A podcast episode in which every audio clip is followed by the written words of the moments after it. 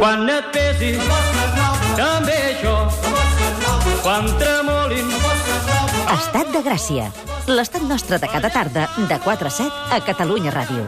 Amb Roger de Gràcia. sempre el nostre serà el ritme de l'amor. Diuen que en l'amor i en la guerra tot s'hi va. Ah, sí? Que qui ho diu? Nosaltres, què passa? Vale. Vale, vale. I també ho diu, i ben convençut, l'home que parlarà a continuació. Que d'històries d'amor no ho sabem, però d'històries de guerra en té per parar un tren. Donem la benvinguda amb un fort aplaudiment al nostre coministre d'Afers Humans, Qui és? Eloi Vila, i les seves trinxeres.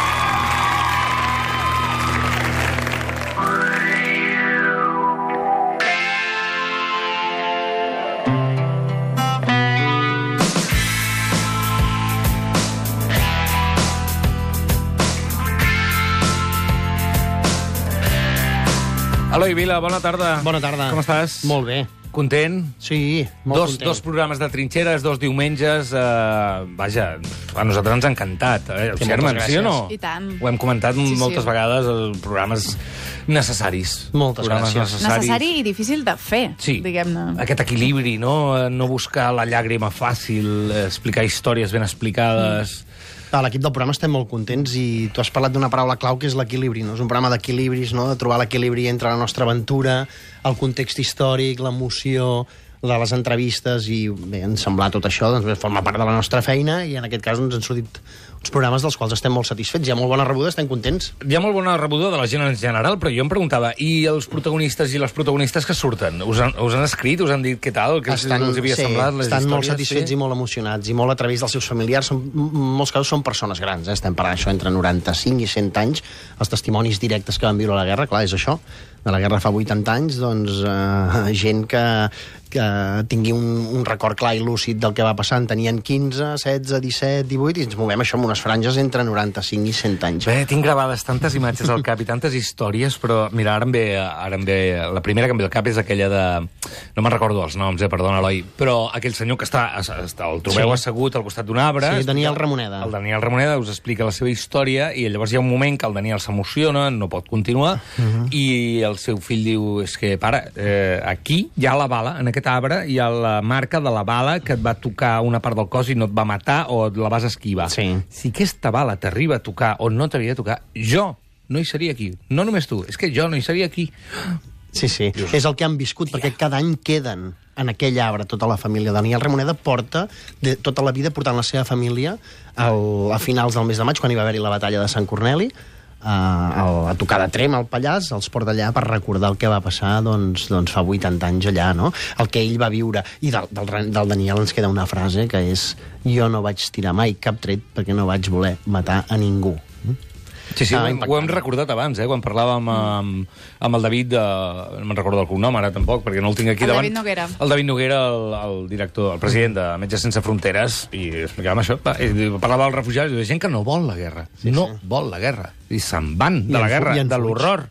I Igual que el. Daniel, no? Jo no volia matar ningú. Sí, sí. És que jo em vaig trobar allà amb mi. Sí, sí, l'exemple dels refugiats fa 80 anys ho vam viure aquí, no? Milers i milers de persones fugint de, del feixisme que avançava en, en mol- molts punts de l'estat espanyol i després amb l'ofensiva final a Catalunya la fugida final fins a França de mig milió de persones. I, I ens explicava el David això, sobretot la incertesa, no? Aquesta gent que està en camps de refugiats eh, no, no saben, no, no saben si passarà un any, dos, tres, igual que els avis quan van als camps de refugiats a França, no sabien que després acabarien fent potser el servei militar un altre cop en el bàndol nacional, aquest cop perquè ja estava, ja havien guanyat la guerra. Després potser algun acabava al front de guerra d'Alemanya, amb, amb, de França amb Alemanya. I, no I després represaliats pel nazisme en camps de concentració en molts casos. Clar. No? I, I amb el coneixement dels anys, la percepció de que un exili es pot convertir en una cosa eterna, que no deu haver-hi res més desesperant en una persona que no, no saber exactament a on vas i no saber si mai en podràs retornar, no? Poder retornar d'allà on ets, al teu país, no? al teu lloc d'origen. Totes aquestes històries ens emocionen, però això no és el més important. Jo crec que el més important és que ens fan pensar eh? i ens fan recol·locar-nos. Eh, cada vegada que ens sentim una, ens recol·loquem a nosaltres mateixos amb la resta del món i amb la resta de les De persones. saber d'on venim fa que puguem saber una mica a on som exactament Sí, ara. senyor, no? i això és molt interessant. I nosaltres volem insistir-hi aquí, ja ho sabeu, també fem trinxeres. I mira, avui l'Eloi ens explica una història eh, que passava tal dia com avui. Sí, mira, avui fa... Avui, 14 de febrer, de fa 78 anys, de l'any 1939, creuava la frontera cap a França, pel Coll Pregona, el Pirineu, el Ripollès, l'última unitat de soldats republicans, la 60 60a divisió, 247 soldats, eh, i així, doncs, d'aquesta manera acabava l'ocupació franquista de Catalunya. Entre aquests soldats hi havia el Tisner, Eh? I ell va recollir les seves memòries aquest moment i sabem que, eh, tot i que les xifres parlen de que va ser ahir quan es va creuar a la frontera per Coll d'Ares, doncs encara va haver una petita bossa i per un coll petit del Pirineu, del Ripollès, va creuar aquesta última unitat. D'això fa 80 anys eh, i jo, si et sembla, per això dels, dels refugiats de l'exili m'agradaria parlar-ne la, la propera vegada que vingui Sí, i i tant. d'històries de l'exili I tant. perquè tenim una doble efemèride, que és que ahir va fer 80 anys, ahir 13 de febrer de l'any 1937, va fer eh, 80 anys del primer bombardeig a la ciutat de Barcelona amb víctimes mortals. Va passar exactament això.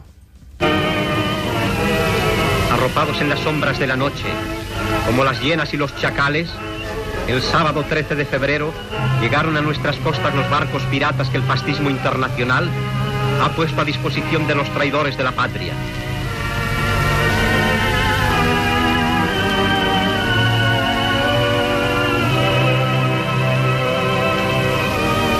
Crimen de los bombardeos sobre las ciudades indefensas que viven pacíficas en la retaguardia se repite una vez más sobre Barcelona, donde la crueldad de los asesinos encuentra en el hogar humilde la criatura inocente que debe saciar su instinto sanguinario.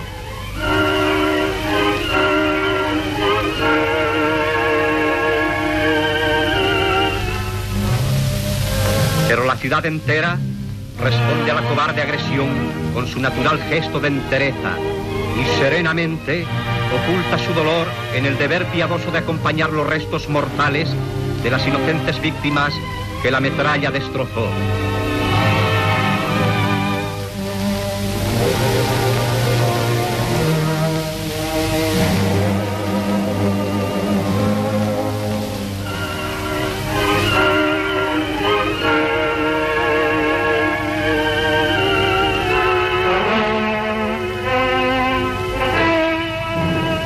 Aquest és un document de, de propaganda de la CNT.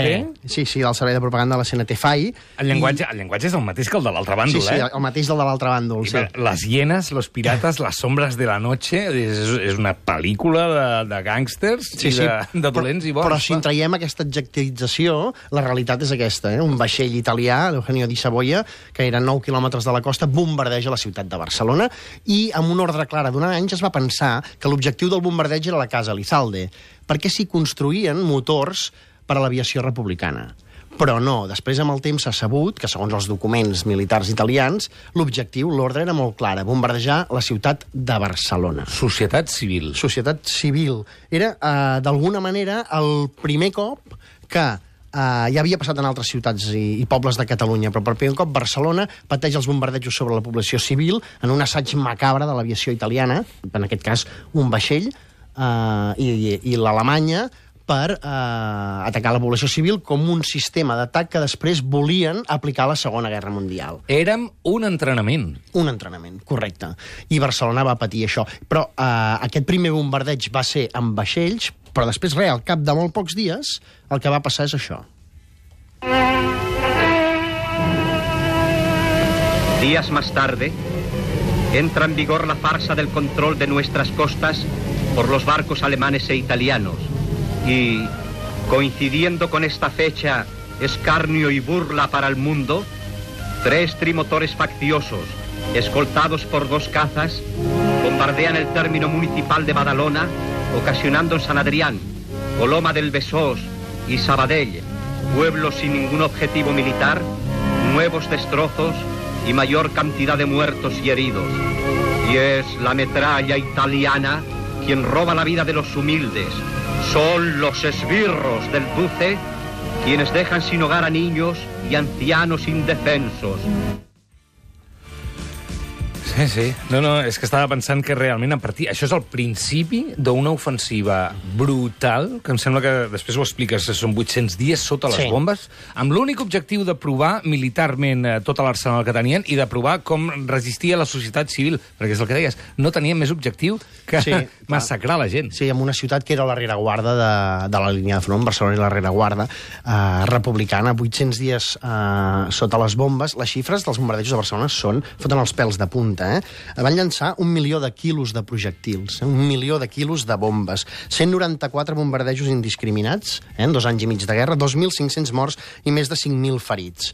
Què va passar? El port era un objectiu prioritari, el van arrasar, van arrasar també el barri de la, de la Barceloneta i es van patir pràcticament a tota la ciutat. Jo vull destacar un parell de, de moments dels bombardejos que són clau i que ens portarà a la història que us vull explicar. El primer és d'un altre 13 de febrer, però d'un any després, de l'any 1938, els impactes cauen a la plaça de Sant Felip Neri, Sí. eh? on hi havia un centre de nens refugiats. Van morir 42 persones, 20 de les quals eren nens. Eh? I el segon està relacionat, com dèiem, amb la història d'avui, que és la del Josep Santacana i Marimón. Qui és el Josep Santacana i Marimón? El, el Josep eh, és fill de Vilobí del Penedès, a l'Alt Penedès, era, eh, guixaire, i abans d'anar a la guerra treballava de guixaire una empresa familiar, l'empresa familiar de la casa. En aquella època no hi havia gaire gent que sapigués portar camions, que tinguessin el carnet per conduir camions, i ell el tenia perquè portava el camió de l'empresa de l'empresa familiar. I és per això que a finals del 1937, si no m'equivoco, que és quan el criden a files a l'exèrcit republicà, li assignen conduir camions. Sí. El 17 de març de l'any 1938, uns mesos després, el Josep, amb altres companys, és a Barcelona. Eh? El dia abans, l'aviació legionària italiana ha començat a bombardejar indiscriminadament Barcelona. Seran tres dies de bombardejos brutals. Eh? Ha descarregat bombes per tota la ciutat i aquell dia, el dia 17 de març de 1938, continuen descarregant les bombes sobre Barcelona. El Josep ha aparcat el seu camió a la Gran Via, a tocar del Teatre Coliseum, aquell dia, curiosament, al Coliseum hi fan cinema i projecten la pel·lícula Vagabundo a la Fuerza, de William Knight, una pel·lícula de l'any 1934. Són les dues del migdia i el Josep, acompanyat d'altres eh, d'altres soldats, decideix pujar al camió perquè volen anar a fer una arrossada. El dia 19 de març era Sant Josep i ells volien celebrar-ho eh, una mica abans i se'n anaven a fer una arrossada. Just en aquell moment, els avions italians es planten a Barcelona i una de les bombes cau damunt mateix del camió del Josep. Esclata. Ell i els seus companys, per suposat, moren. Però el camió anava carregat de trilita, val? un explosiu. La detonació va ser terrible, brutal, va destruir tot l'entorn de la zona, Gran Via, eh, Passeig de Gràcia, una destrucció terrible, i va haver-hi més de 900 morts. Què dius? Més de 900 morts, sí. De fet, l'explosió va sorprendre tant, hi ha una imatge aèria que tenim, que podrem penjar eh, que podrem penjar a les xarxes, al, al Twitter, on creieu convenient, pengem aquesta fotografia, en què es veu la detonació que van fer els mateixos aviadors italians que havien llançat eh, les bombes sobre la ciutat de Barcelona. Ells mateixos es van sorprendre i pensaven, hosti, però si no tenim bombes no? d'aquesta potència, es va arribar a especular que s'hi havien eh, també provat amb, amb un nou armament fins ara desconegut. No, va impactar una de les bombes amb un camió de trilita, el que conduïa el Josep, i va esclatar pels aires amb aquesta detonació terrible i aquest pràcticament un miler de morts, no? L'endemà eh, van continuar caient bombes a Barcelona i van ser tres dies fatídics a la ciutat que hem pogut recuperar a través de la història d'una persona, que és el Josep, aquest home de Vilobí del Penedès, conductor de camions, guixaire, que li va tocar a la guerra i conduint un camió carregat d'explosius, doncs va morir per culpa dels bombardejos. Mm.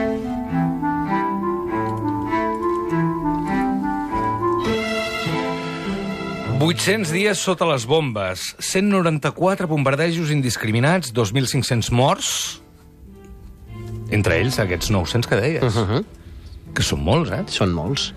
I més de 5.000 ferits. Sí, són les xifres Doncs dels va passar, bombardejos de Barcelona. això que va passar l'any 38? L'any 38, sí. Aquest, va, el primer bombardeig al 37, el primer que hi ha víctimes eh, a civils als bombardejos de Barcelona, i després el 38. Sí.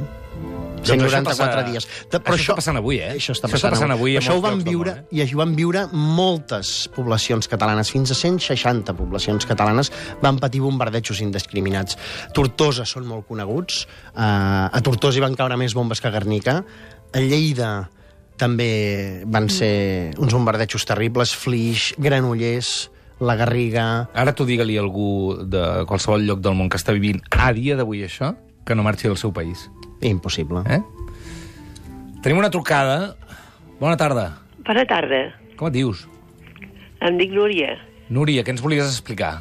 Miri, doncs jo ja tinc una certa edat, ja en tinc 82, i al temps de la guerra la meva mare, el papa estava al front, a França, i la meva mare agafava el tren cada dia eh, a Sant Cugat del Vallès, que allà el papa va llogar una caseta a les afores, i cada dia agafava el tren per anar a obrir les dues botiguetes que teníem a prop de Santa, eh, Santa Caterina. Eh? Sí. I aquell dia, 11 de febrer del 39, era la Verge de Lourdes, ara aquest dissabte, ha fet 78 anys. Doncs van tallar els frenos del, del tren, fixis bé, va, el tren es va escapar boig, lògicament, el conductor pobret mai el va deixar d'estar al davant, per no haver-hi encara molt més carnissada, oi? El va sempre aguantar, i va passar així. Els, els caps d'estació veien com passava d'una manera boja, vam tenir temps de posar un tren que travessat a l'estació de Provença, per no arribar fins al final, que és a l'Avinguda del Llum, allà a la plaça Catalunya. Fixis bé, el tren que anava de gom a gom, dos quarts de nou del matí. Uh, aquí no es va dir res, cap diari l'endemà, res, res. I al canvi, a canvi, el meu pare, que estava a França, els diaris francesos ho van dir sabotatge al tren de les planes ahir a dos quarts de nou.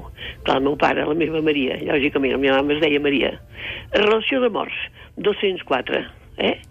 I va veure que la mama es havia salvat. Ella deia, Déu meu, que sóc poc soferta, que sóc poc soferta. Ningú, ningú es queixa, només jo. I els tenia tots morts al seu alrededor. Va estar de 8 a 9 mesos a l'hospital clínic, jo me'n recordo tenia dos anys, sé que la iaia tinc com una ombra, eh, alto, perquè en dos anys no pots tenir gaire.